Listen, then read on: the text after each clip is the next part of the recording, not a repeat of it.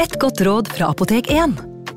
Nå er snart pollensesongen i gang, og et godt råd til deg som sliter med pollenallergi, er å begynne behandlingen i god tid før allergisesongen starter. Da får du nemlig enda bedre effekt av legemidlene, og så blir ikke våren din helt ødelagt. Kom innom og få råd på ditt nærmeste Apotek 1, eller chat med oss på apotek1.no. Apotek 1 vår kunnskap, din trygghet.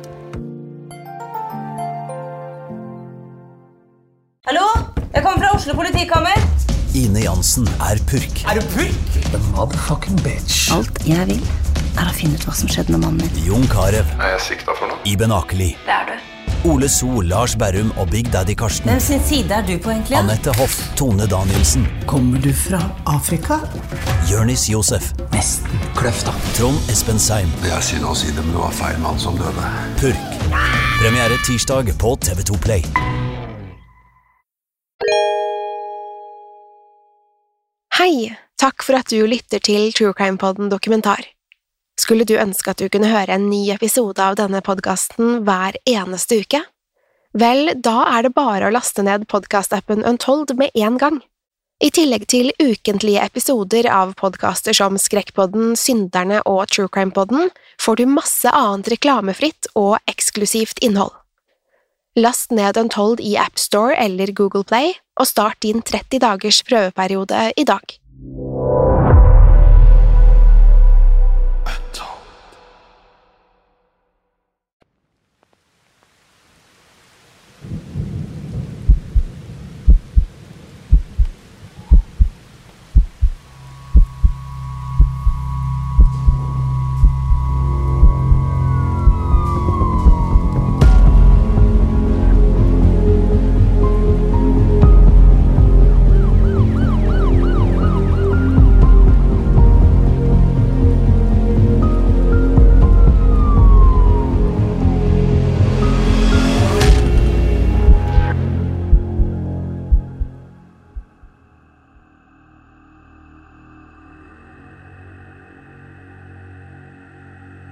Idet Sid åpnet øynene, om morgenen den 12. oktober 1978, ble han nesten blendet av lyset fra badet.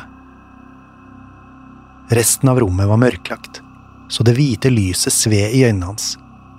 Hodet verket, og han skalv over hele kroppen. Tolv timer tidligere hadde han sluknet på sengen etter en stor dose heroin. Nå kjente han hvordan abstinensene snek seg innpå ham. Etter at bandet hans, Sex Pistols, ble oppløst, hadde det vært et eneste kjør. Han og Nancy hadde tatt inn på et hotellrom og hadde bodd der et par måneder. Planen var å spille inn en rekke soloalbum, men det hadde gått trått. Sid og Nancy var konstant beruset, og tilbrakte kveldene på New Yorks punkklubber. Han strakk ut en hånd for å vekke Nancy. Selv om hun hadde tatt like mye narkotika som han kvelden før, var det alltid hun som satte morgendosen. Sid lette gjennom mørket med hånden, men kunne ikke finne Nancy noe sted. Det var da han kom på at han hadde våknet tidligere den natten, av at Nancy stavret seg ut av sengen. Han var ikke sikker på om det hadde vært en drøm eller ikke. Likevel mente han å huske at hun haltet inn på badet. Imens fortsatte hånden hans å gli over lakenet. Plutselig kjente han noe vått mot fingrene. Han trakk hånden til seg, og var først sikker på at Nancy hadde hatt et uhell i løpet av natten. Sid ropte på henne, men fikk ikke noe svar. Han bannet og sa hun måtte ta seg sammen. Da det ikke kom noe svar denne gangen heller, reiste han seg opp i sengen og myste mot baderomsdøren. Først nå syntes Sid at han kunne høre at kranen sto på der inne. Han satte de bare føttene sine på teppet og gikk mot badet, mens han gned søvnen ut av øynene. Sid ropte på Nancy igjen, men det kom ikke en lyd fra badet. Plutselig tråkket han i noe vått på gulvet, og han stoppet opp. Da han løftet foten, innså han hva det var. Han snudde seg tilbake mot sengen og så den mørkerøde flekken på madrassen. Fra sengen til badet gikk det et tydelig blodspor. Sid løp mot baderomsdøren. Der stanset han og kikket inn. På gulvet, under vasken, satt Nancy lent inntil veggen i bare undertøyet. Hun var tilgriset av blod og satt urørlig, med det blonde håret klistret til ansiktet. Hånden hennes hvilte over Sids sprettkniv, som var plantet dypt inn i magen hennes. Nancy Spungen var død, og Sid hadde ingen anelse om hvordan det hadde skjedd.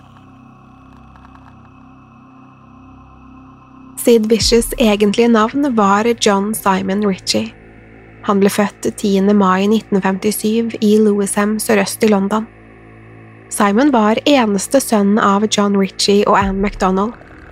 Anne hadde droppet ut av skolen tidlig og meldt seg til tjeneste i det britiske luftforsvaret. Det var her hun hadde møtt John. Han jobbet som vakt ved Buckingham Palace, og de fant snart tonen. Kort tid senere kom Simon til verden. Da han fremdeles var veldig liten, bestemte familien seg for å flytte til den spanske byen Ibiza. Anne og Simon reiste i forveien, mens John ble igjen i London. Der skulle han tjene seg opp litt ekstra penger før han reiste etter. I tillegg lovet han å sende deler av det han tjente ned til Anne og sønnen. Tiden gikk, og Anne hørte ikke noe fra John. Hun forsøkte å sende brev, men fikk ikke noe svar.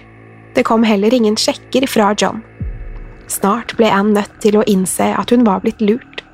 John hadde fått kalde føtter og bestemt seg for å forlate familien. Anne var rasende og visste ikke hva hun skulle gjøre.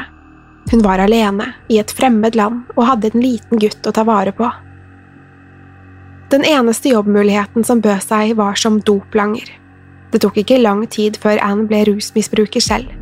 Først og fremst røyket hun marihuana, men snart gikk hun over til sterkere stoffer.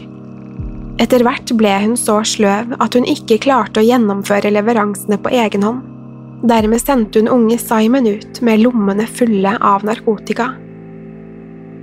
Da de endelig hadde nok penger til å reise tilbake til England, sydde Anne inn poser med marihuana i Simons klær. Hun var sikker på at ingen kom til å sjekke den lille gutten om de ble stoppet i tollen. Anne hadde rett og smuglet store mengder inn i landet på sønnens kropp. Vel hjemme i England møtte Anne en ny mann som het Christopher Beverley. I 1965 giftet de seg og flyttet til Kent. Dermed ble unge Simon nødt til å venne seg til en ny tilværelse. Han måtte også venne seg til et nytt navn. Anne ville ikke at sønnen skulle assosieres med sin biologiske far. Derfor ble Simon kalt Beverly til etternavn. Den nye tilværelsen skulle likevel være kortvarig. Kun seks måneder etter bryllupet døde Simons nye stefar av leversvikt.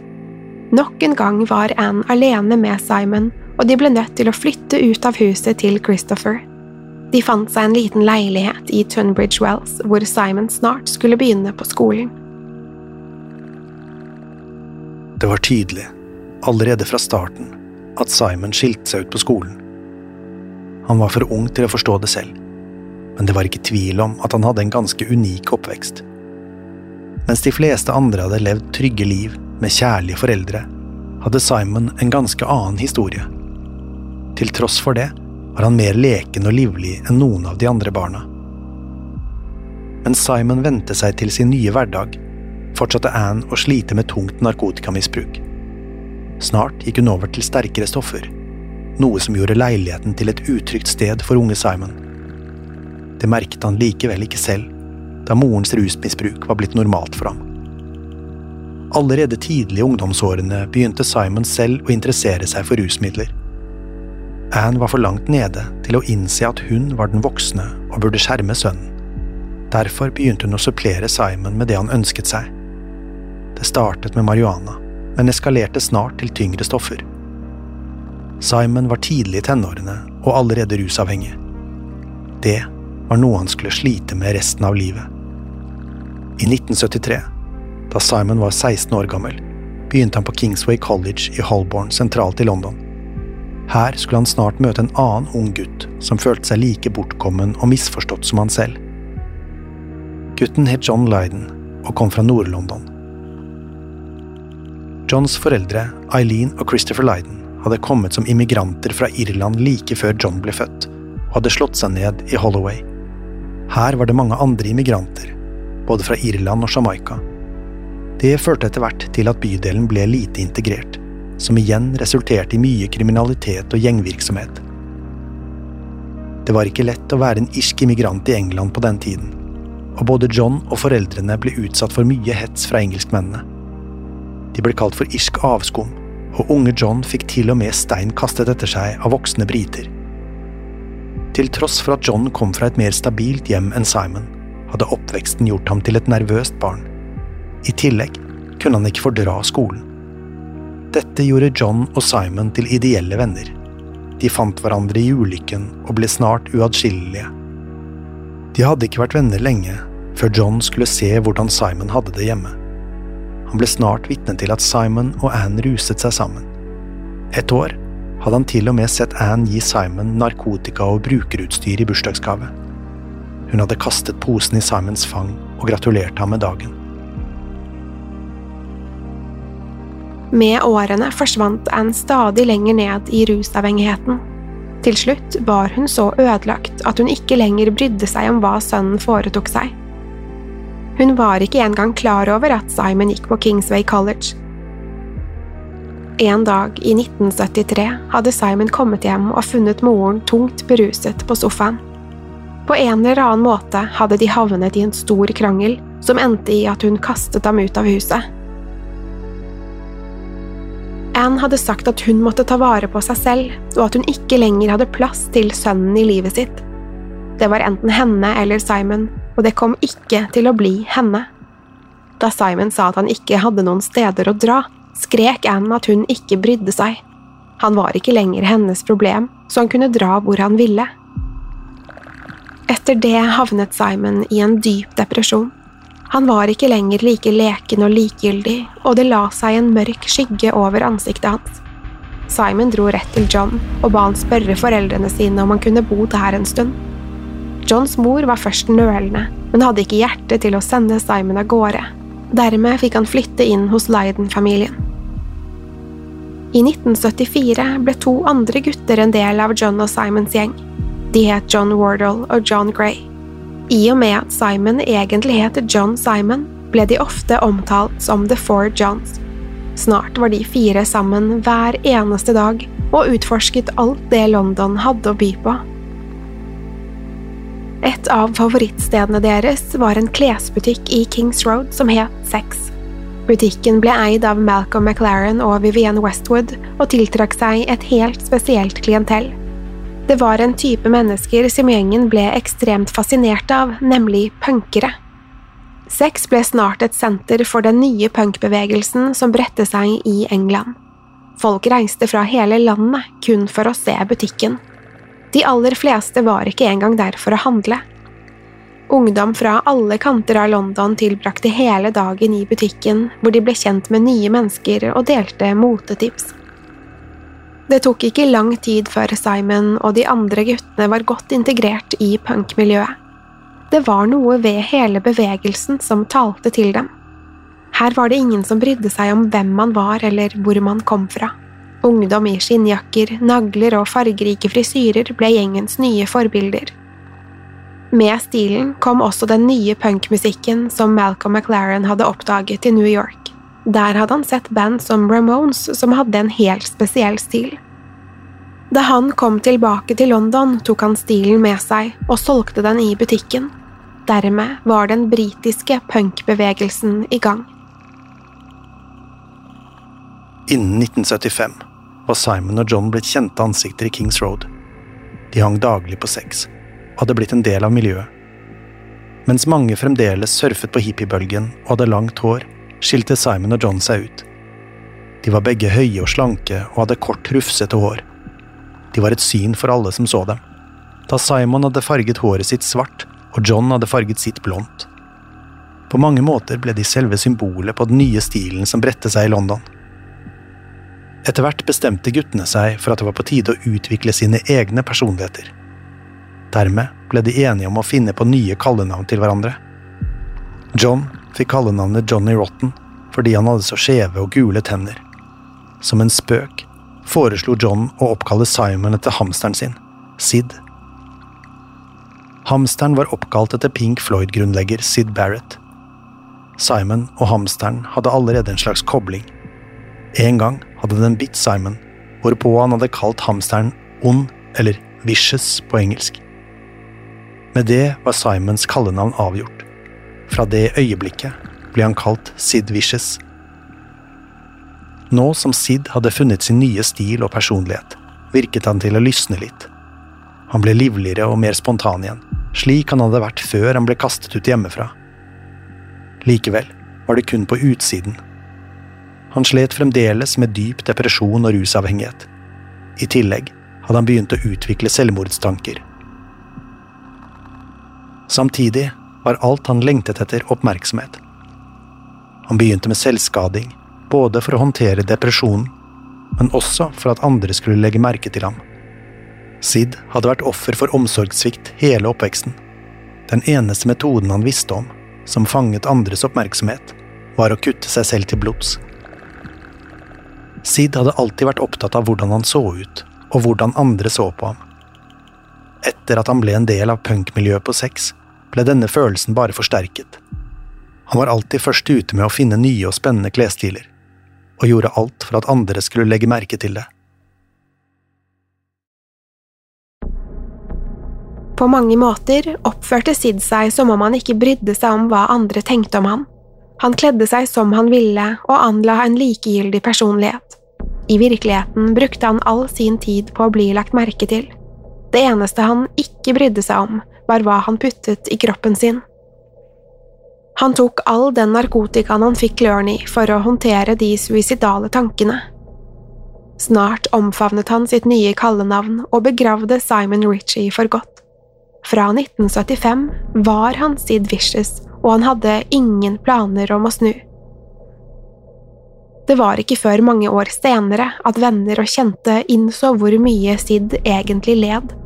For dem var han kun en godartet villstyring som gjorde alt for å få deres oppmerksomhet. På innsiden var han ensom, nervøs og ekstremt ustabil.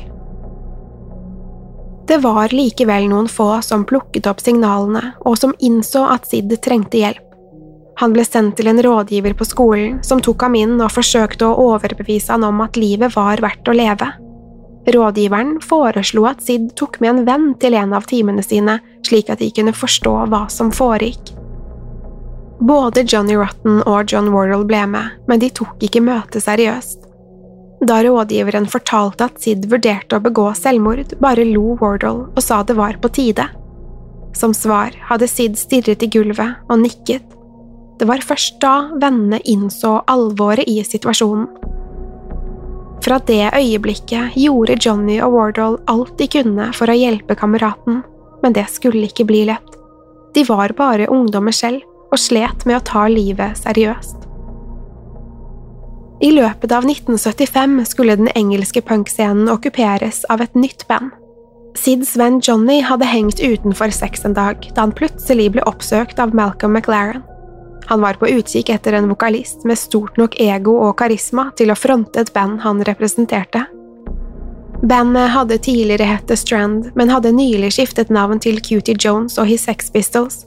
Tidligere vokalist Steve Jones hadde gått over til å bli gitarist, og nå trengte de en ny vokalist. Johnny var akkurat det bandet så etter.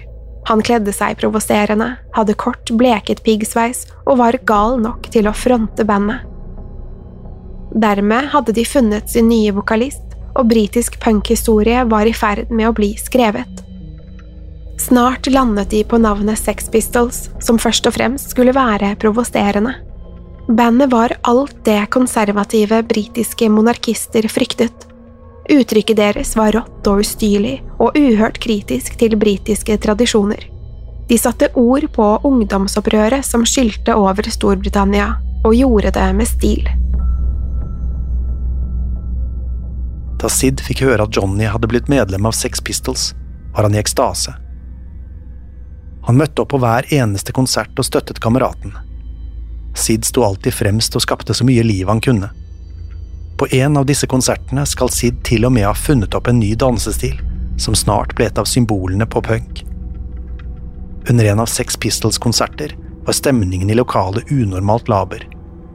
Da hadde Sid begynt å hoppe rett opp og ned med armene langs siden, Dette trigget noe i publikum, og snart sto alle og hoppet som Sid.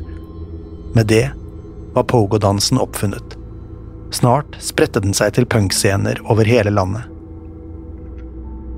Sid gikk på konsert etter konsert med Sex Pistols og drømte om en dag å kunne spille i sitt eget band. Den muligheten skulle snart dukke opp. I september 1976 skulle utestedet Hundred Club arrangere en punkfestival og inviterte en rekke band til å spille. Et av dem var Susie and the Banshees. Bandet var ganske nytt og hadde ingen trommeslager. Derfor ble Sid spurt om å vikariere på trommer for den kvelden. Det var likevel ikke første gang Sid hadde fått tilbud om å bli med i et band. Tidligere hadde han blitt vurdert til rollen som vokalist for bandet The Damned. En annen musiker, Dave Vanian, var også en aktuell kandidat. Da Sid ikke møtte opp på audition, gikk jobben til Vanian. Sid var rasende over å ha gått glipp av auditionen. Han mente Vanian hadde sabotert for ham og gitt ham feil tidspunkt med vilje. Etter det sto Vanian øverst på Sids liste over fiender. Selv etter konserten med Susie and the Banshees var han fremdeles sint. Dagen etter at han debuterte på Hundred Club Punk Festival, skulle The Damned spille med sin nye vokalist, Dave Vanian. Sid hadde frådet av raseri hele dagen, og møtte opp på klubben den kvelden, med hevn i tankene. Sterkt beruset sto han bakerst i lokalet og skulte på Vanian der han svingte seg på scenen. Plutselig svartnet det helt for Sid. Han grep tak i et ølglass og kastet det så hardt han kunne mot scenen. Glasset svevet over hodene på tilskuerne i retning Vanian. Det Sid ikke hadde tenkt over, var at lokalet var fullt av stolper som strakte seg fra gulv til tak. I stedet for å treffe bandet på scenen, gikk glasset i tusen knas mot en av stolpene. Glasskår regnet ned på tilskuerne, og en jente fikk store biter i øynene. Helvete brøt løs på klubben, og jentas venner klandret Sid for å ha blendet henne. Den neste dagen våknet Sid av at det banket hardt på døren. Da han åpnet den, sto politiet der med en arrestordre. Sid ble tatt med til politistasjonen hvor han måtte forklare seg. Til slutt ble han fengslet, dømt for personskade.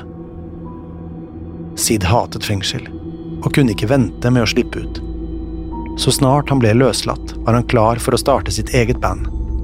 Han slo seg sammen med Keith Levine, Viv Albertine og Paloma McLardy, som alle skulle bli store navn i punkmiljøet. Sammen opprettet de bandet The Flowers of Romance, hvor Sid spilte bass. Det var hans første møte med bassgitaren, og det skulle snart bli varemerket hans. Det nye bandprosjektet skulle likevel ikke vare lenge. The Flowers of Romance skrev et par låter, men spilte aldri konserter. Flere av sangene skulle bli brukt i medlemmenes senere prosjekter. Dermed ble bandet et springbrett for medlemmene inn i større og mer innflytelsesrike band. Imens begynte Johnny Rotten og Sex Pistols å bygge en fanbase. De spilte store konserter rundt om i London og skapte kaos hvor enn de var.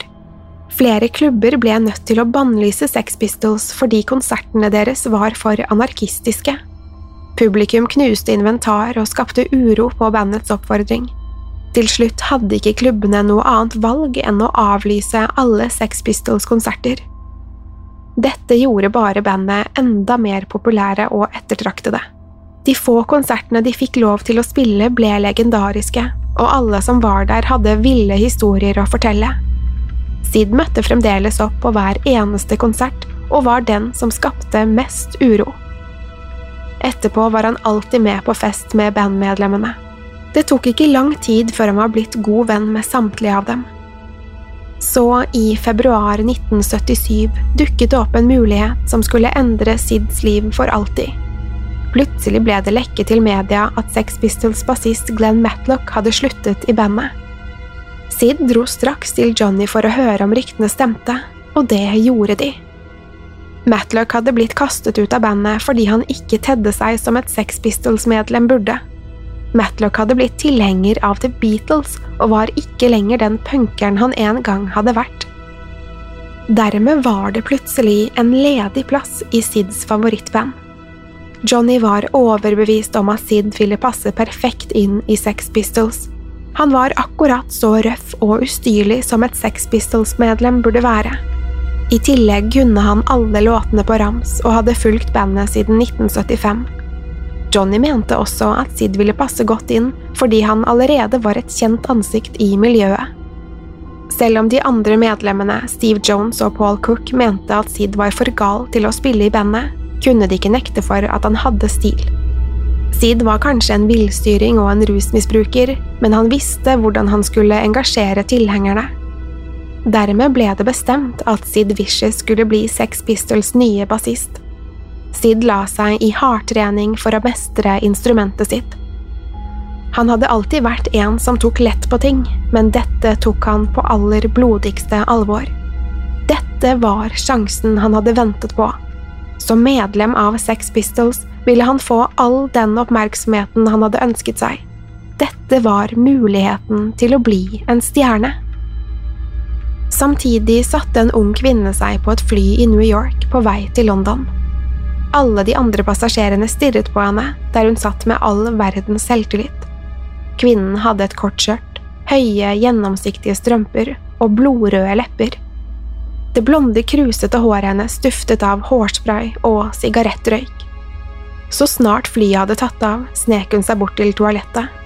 Da hun kom ut igjen, var hun sløv i blikket. Hun satte seg i setet sitt og sovnet momentant. I bagasjen hadde hun en kassett med Sex Pistols siste utgivelse. Foran henne i setelommen lå et musikkmagasin med bilde av Sex Pistols på forsiden. Da flyet landet i London, spankulerte Nancy Spangen ned trappene med ett eneste mål.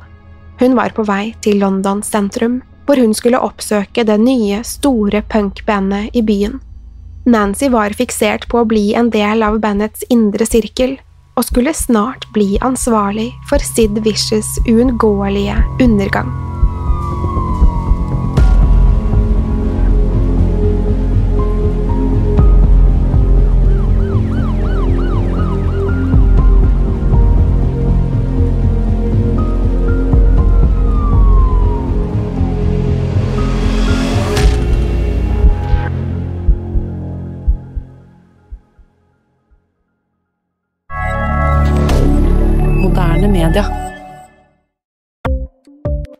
Ukens annonsør er Folio, en smartere banktjeneste for deg som har en egen bedrift eller ønsker å starte for deg selv. Folio er en superenkel nettbank for bedrifter. Som kunde i Folio får du en bedriftskonto med et bedriftskort og app. I denne appen er det smarte løsninger som forenkler regnskapet ditt, uansett om du har en liten bedrift eller et enkeltpersonsforetak. Folio er både intuitivt og brukervennlig, og er laget med et enkelt språk. I tillegg tilbyr de forutsigbare priser og ingen skjulte gebyrer. Skulle du likevel trenge det, så kan du snakke med deres raske og hyggelige kundeservice, og der får du prate med en faktisk person og ikke en chatbot. Folio er med andre ord både enklere og koseligere enn banken. Over 10 000 bedrifter har allerede valgt Folio som sin banktjeneste, så besøk folio.no og se hvordan Folio kan forenkle din hverdag også. Har du et enkeltpersonforetak eller en liten bedrift? Da er du sikkert lei av å høre meg snakke om hvor enkelt det er med kvitteringer og bilag i fiken, så vi eh, gir oss her, vi. Fordi vi liker enkelt. Fiken superenkelt regnskap. Kiwi er billigst i VGs matbørs og har vært billigst i fire av de fem siste VGs matbørser. Og nå presser vi prisene på frukt og grønnsaker. På 200 gram broccolini setter vi prisen til 24,90. På 400 gram Cevita blåbær setter vi prisen til 49,90. Og husk, alle Kiwi Pluss-kunder får i tillegg 15% trumfbonus på all fersk frukt og grønt. For det er vi som er prispresserne. Og vi i Kiwi gir oss aldri på pris.